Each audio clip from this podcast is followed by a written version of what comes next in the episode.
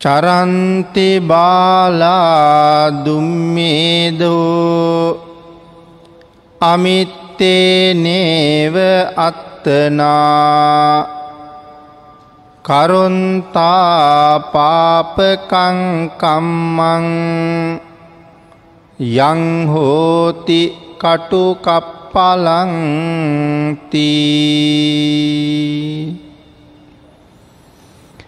සද්ධර්මශ්‍රාවක කාරුණික ගුණගරුක බෞද්ධ පින්නතුනී ධර්මශ්‍රවනයට කැමති ඔබ සියලු දෙනා වෙනුවෙන් ධර්ම දේශනාව සිදු කරන්න යොදාගත්ත මාතෘකා පාටය තමයි මුලින් සෙහිපත් කරන්නට යෙදනේ ධම්ම පද පාලියේ බාල කියන වර්ගයේ සඳහන් වෙන ගාථාරත්නයක්.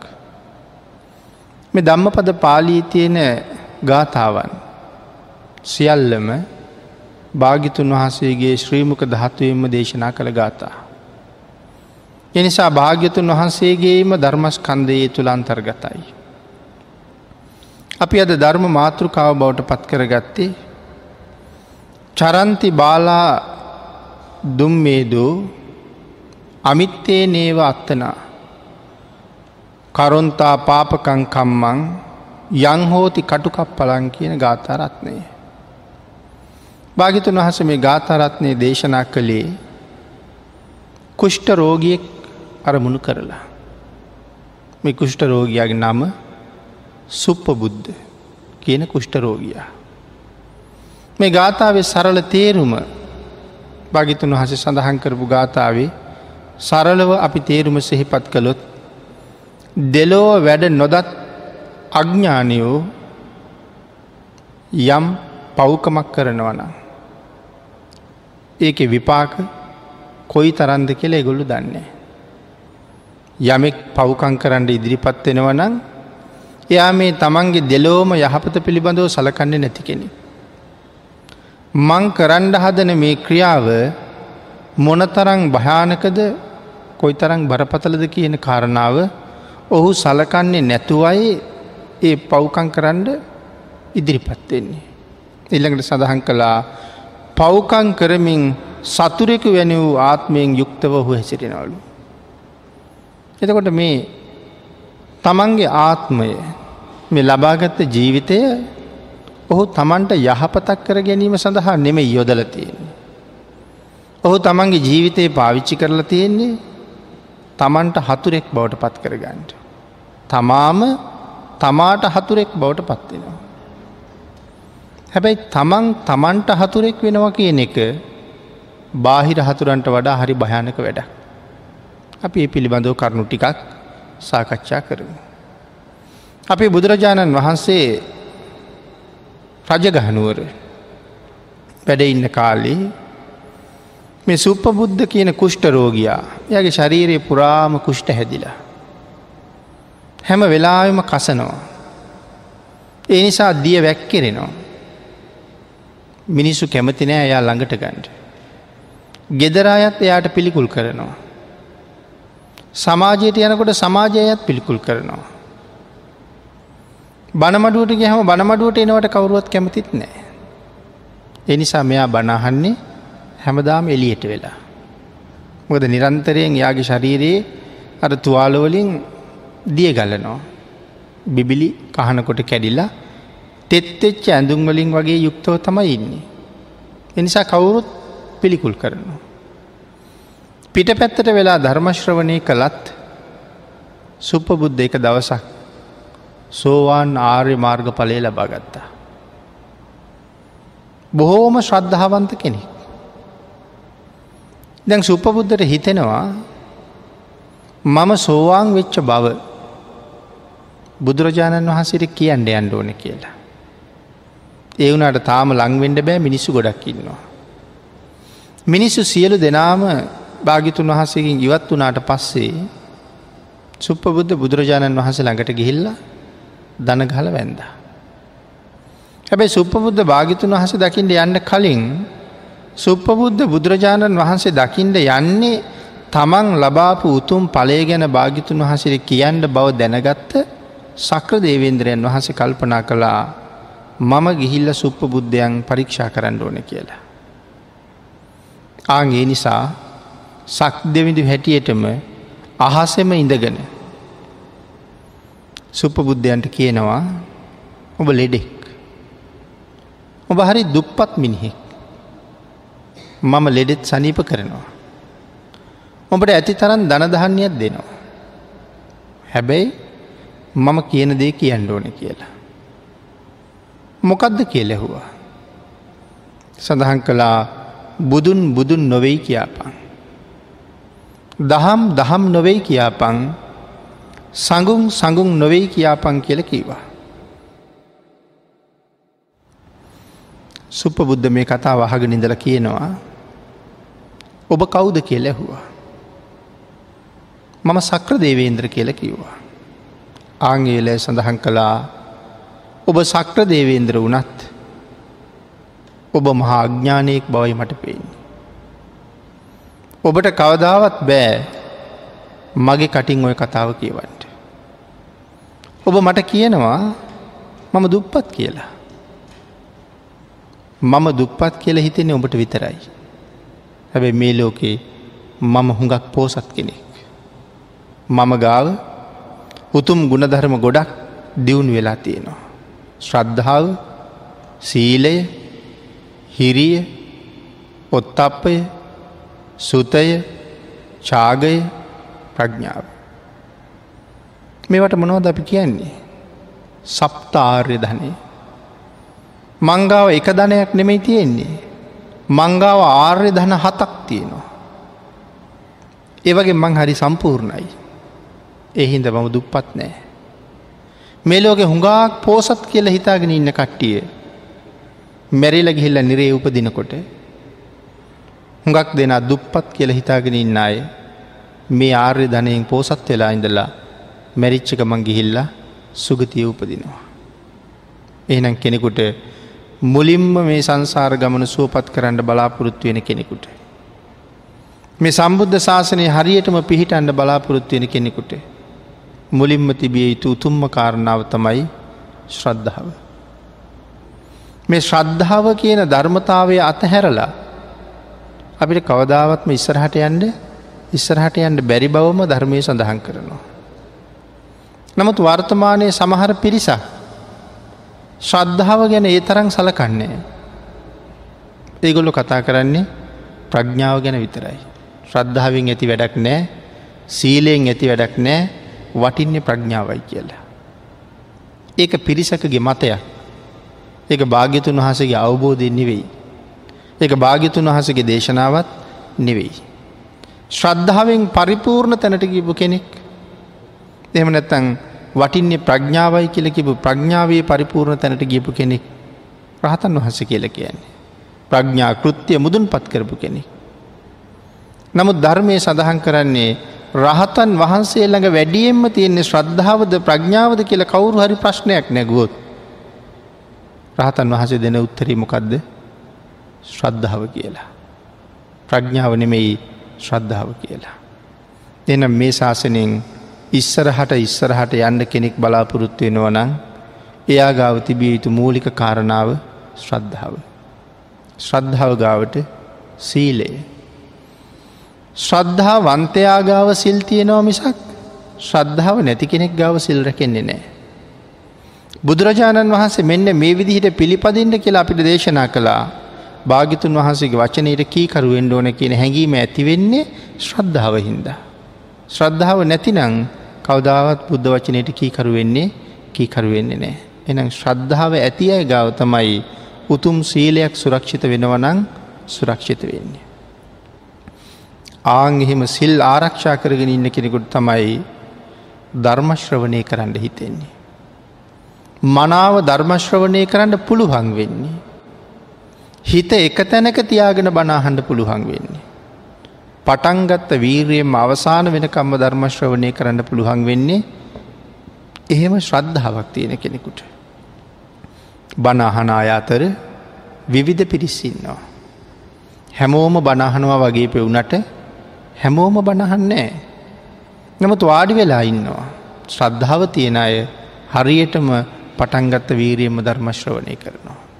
එනම් ශ්‍රද්ධාව සීලය ශෘතය එළකට මෙතන සඳහන් කළා මේ හිරියොත් අප ලැජ්ජ බයි මොනවට ලැජ්ජ බයිදම පාපයට තියෙන ලැජ්ජ බයි. ඊළඟට ත්‍යාගය මේ ආදී කාරණා කෙනෙකුගේ ජීවිතයට බොහෝම වටිනවා. ඇති සුපබුද්ධ සඳහන් කරනවා මෙවන් වූ ආර්ය දන හතකින් මම පෝසත් කොහොම ඔබ මම දුප්පත් කියන්නේ. මේ කතාව හල හරි ප්‍රීතියට පත් වනා සක්‍ර දෙවේන්ද්‍රයෝ. සුප්ප බුද්ධ භාග්‍යතුන් වහසගවට යන්ට කලින් සක් දෙමිදු ගියා භාගිතුන් වහස ළඟට. ගිහිල්ල සුප්ප බුද්ධ පිළිබඳව තොරතුරු හරි සතුටින් බුදුරජාණන් වහසට සඳහන් කළා. භාගිතුන් වහස සඳහන් කරනවා මහරජය ඔබවාගේ සක්‍ර දේවේන්ද්‍රවරු සීයක් ගිහිල්ල කරුණු පැහැදිලි කළත්. සුප්ප බුද්ධගේ මතය වෙනස් කරන්න වෙනස් කරන්න බෑ. සුප්ප බුද්ධගේ කටින් කවදාවත් බුදුන් බුදුන් නොවෙයි කියල කියවන්න පුළුවන්කමක් ඇත්තෙම ඇත්තෙම නෑ කියලා. එතකොට හරියටම බුදුන් සරණ ගියපු ශ්‍රාවකයා. කවදාවත් භාගිතුන් වහසට පිටු පාන්නේ නෑ කියන කරුණයි මේ කියන්නේ.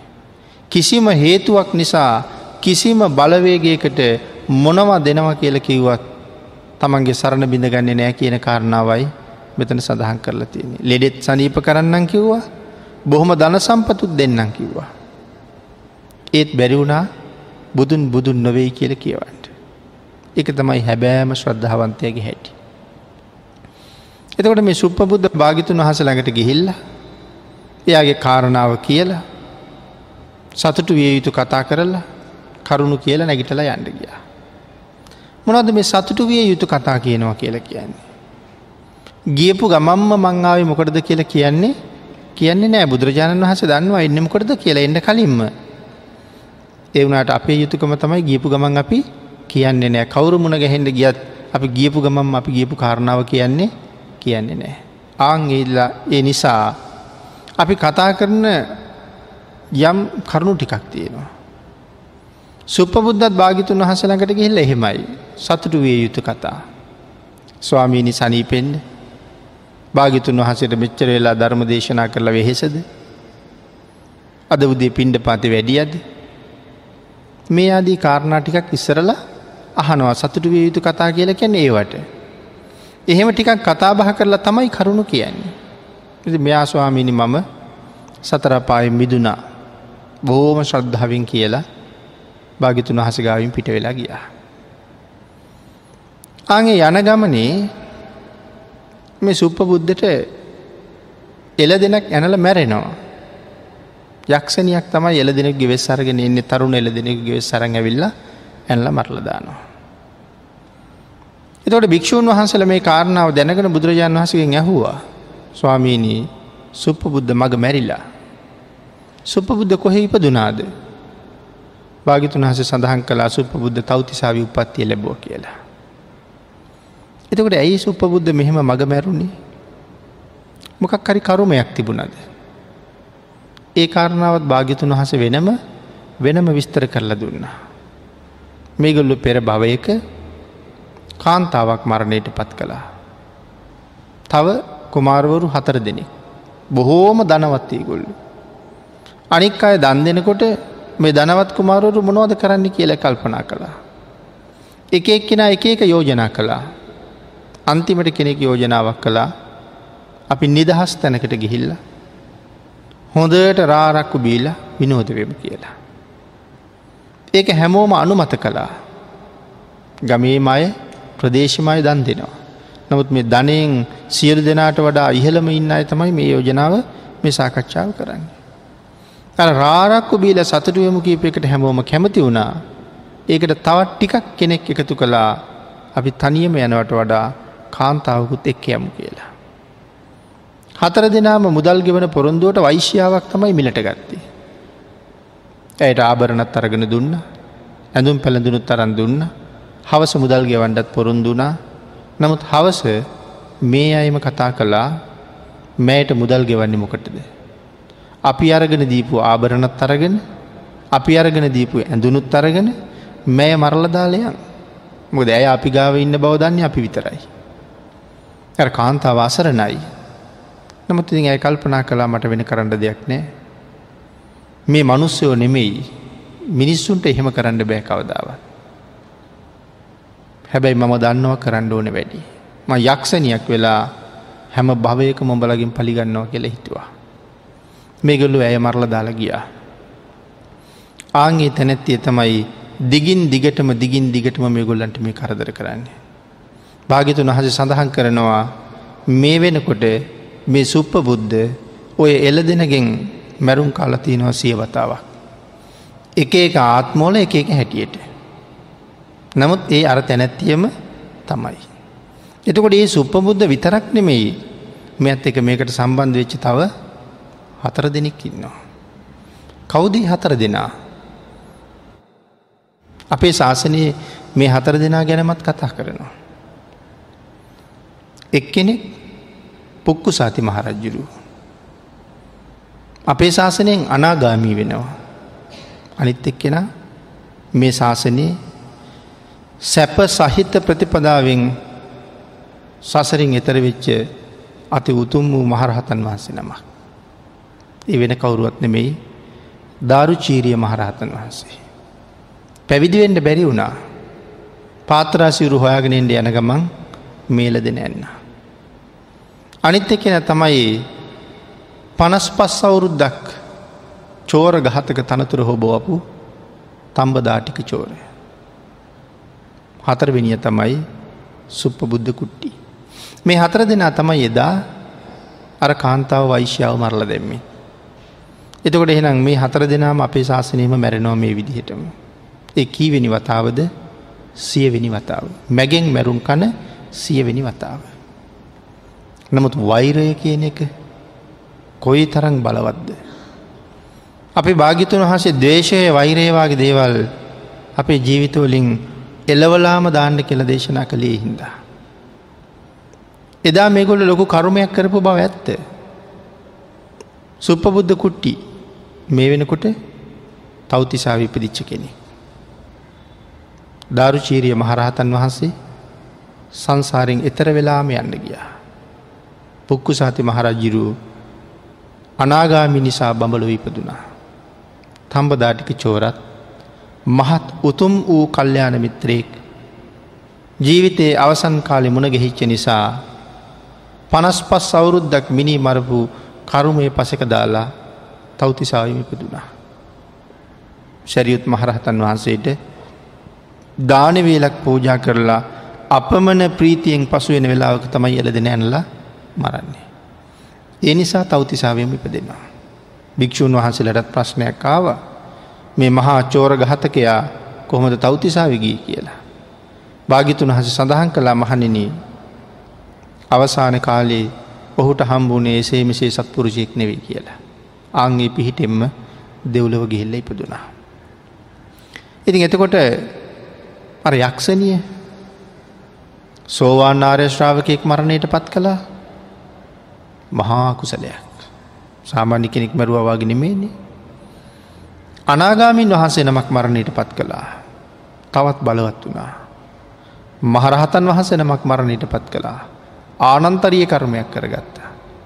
ඇය මේ වෙනකොටත් අවිචී දුක්විදිනවා. එ කරුමය නිසා. භාගිතුන් වහන්සේ මෛත්‍රී පිළිබඳව කරුණු සඳහන් කරනකොට භික්‍ෂූන් වහන්සේලට දේශනා කළා හරස් කියතක් අරගෙන ඇවිල්ලා තමන්ගේ කඳමැද්දෙන් දෙකට කපන කෙනටත් මෛත්‍රී කරන්න කියලා. මොකද ඒ අකුසල චිත්තයේ ඇතිවුණොත් දේශය වගේ සිතුවිලි වෛරේ වගේ සිතුවිලි ඒක තමන්ට අනර්ථයක් කරනවා. ඒකයි මේ ගාථාව සඳහන් කරන්නට යෙදනේ පව්කං කරමින් තමන්ගේ ආත්මය තමන්ට හතුරෙක් බවට පත් කරගන්නවා කියලා. එහෙමනම් ආංගේ විපාකය ඇය ඇය විඳෝනවා. අපේ සමාජයේ දිහා බලහම අපිට කොයි තරන් ඒවාගේ දේවල් අහන්ඩ දකිින්ට ලැබෙනවාද. හදිසියේ ඇතිවෙච්ච කෝපය නිසා හිතන්ඩ වතන්ඩ වෙලාවක් නැතිවෙච්ච නිසා කොයි තරං බරපතල පාපකර්මයන් කරගෙන පස්සේ ඒගොල්ල මුළු ජීවිතයේම පසු තැවෙනවා. නමුත් එහෙම පසු තැවුණ කියලා ඒගොල්ල කරපු පාපකර්මයෙන් කවදාවත් අයින්වෙන්ට පුළුවන්කමක් අයින්වෙන්ඩ පුළුවන්කමක් නෑ. මුලින් ධර්මයට අනුව මේ දේවල් ප්‍රගුණ කරලා තිබුණ නං ඒ ජීවිතවලට ඒවාගේ අපරාධ වෙන්නේ වෙන්න නැතුව යන. දම්මෝ හවේ රක්කති ධම්මචාරී. ධර්මය හැසිරෙන කෙනා ධර්මයෙන් රකිනව කියන කාරණාව කොතෙන්ට ද උපමා කරන්න බැරි අපට. හැම්ම තැනම රැකවරණයක් තිබුණ නං ඒ මනා වූ ධර්මය හැසිරෙන පුද්ගලයා. එනම් මේ කරුණු භාගිතුන් වහස පැහැදිලි කළා. එතකොට එල දෙන ඇනල මැරුවේ එක කරුමයක් නිසා. එතකොට මෙයාට කුෂ්ට හැදුනියයි. මේ ලෙඩෙත් තවත් කරුමයක් වෙන්ඩෙපයි. ඒකත් භාගිතුන් වහසගෙන් ඇහුවා. ස්වාමීනී මේ තරං උතුම් තැනකට එන්ඩ සංසාරි පින් තිබිලත්. නමුත් මේවාගේ දරුණු රෝගයකට ගොදුරුණයයි කියලා.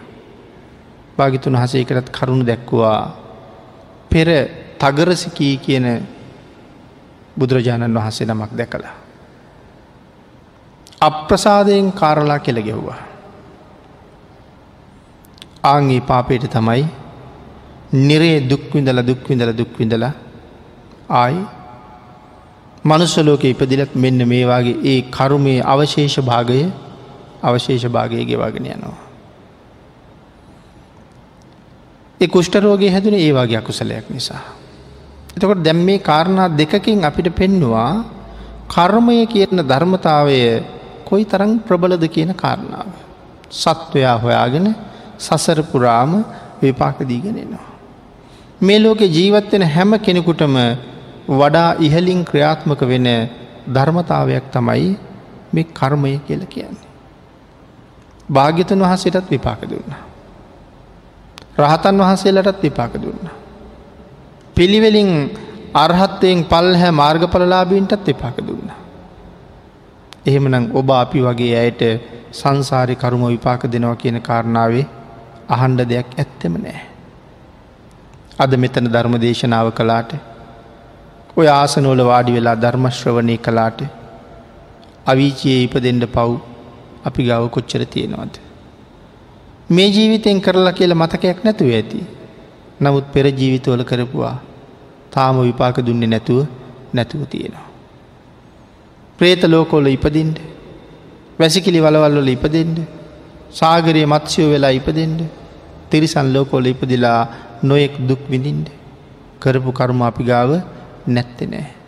නමුත් ඒ අතර සංසාරය එන ගමන් කරගත්ත තවත් වෙනත් කුසල කර්මයක් ඉස්මතු වෙච්ච නිසා ඒ පාපකර්මයන් විපාක දෙන්න පැත්සක තියලා අපිට මනුස්ස ජීවිතය කියන උසස් තැනට එන්ඩ අවස්ථාව හම්බ වෙලා.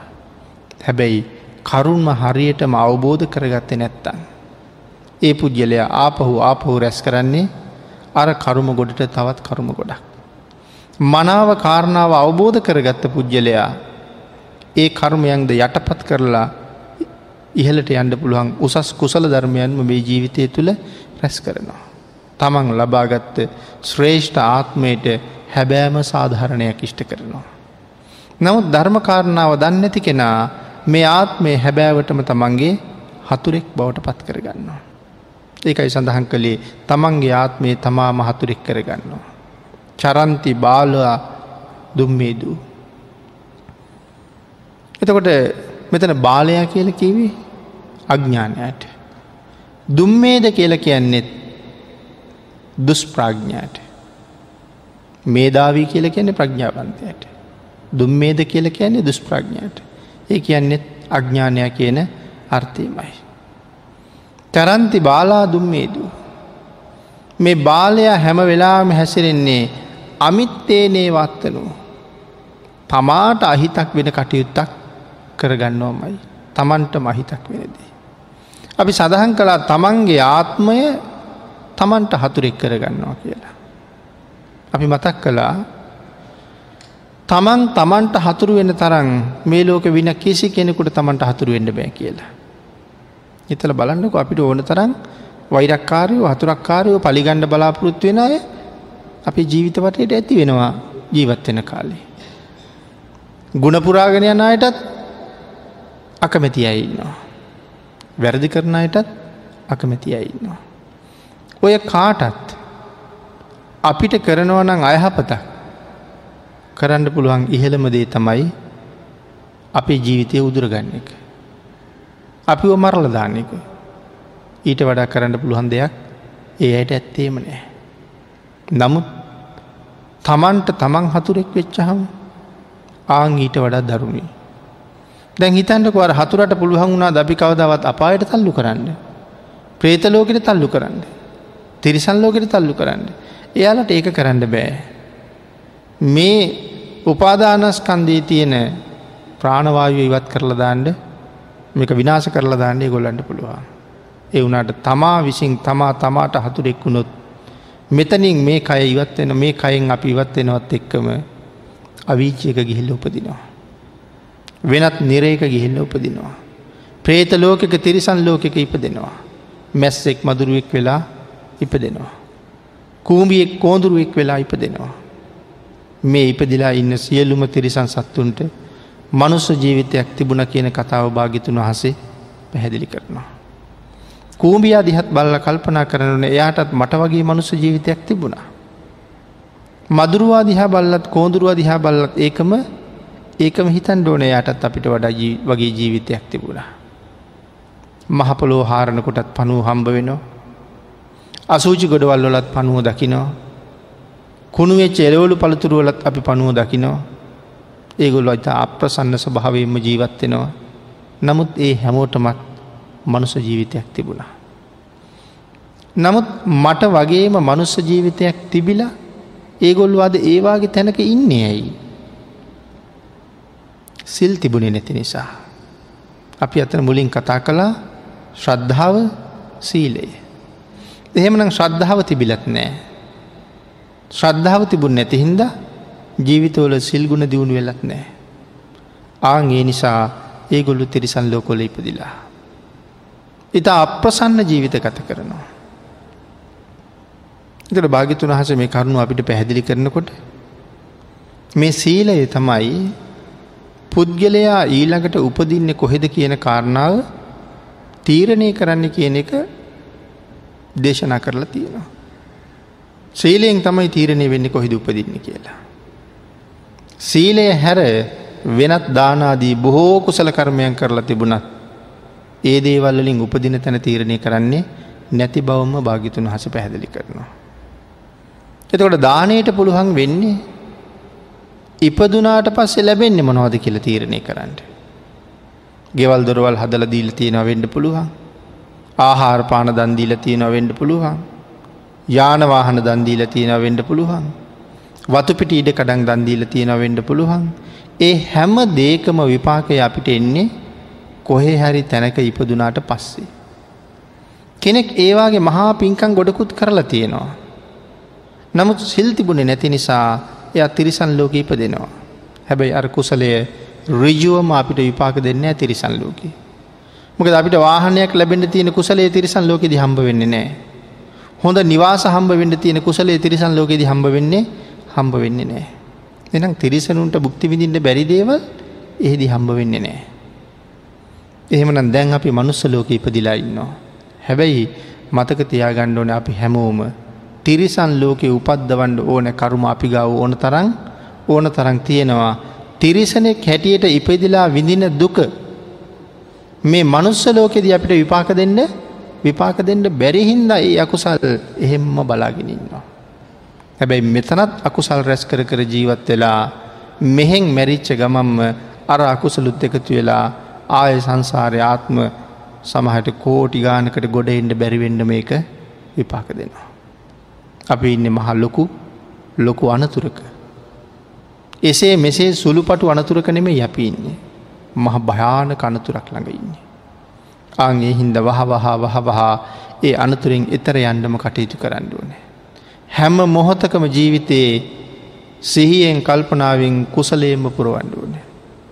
හරියට කොයි වගේද ලැව්ගින්නක් පැතිරිලා පැතිරිලා පැතිරිලා එනවා.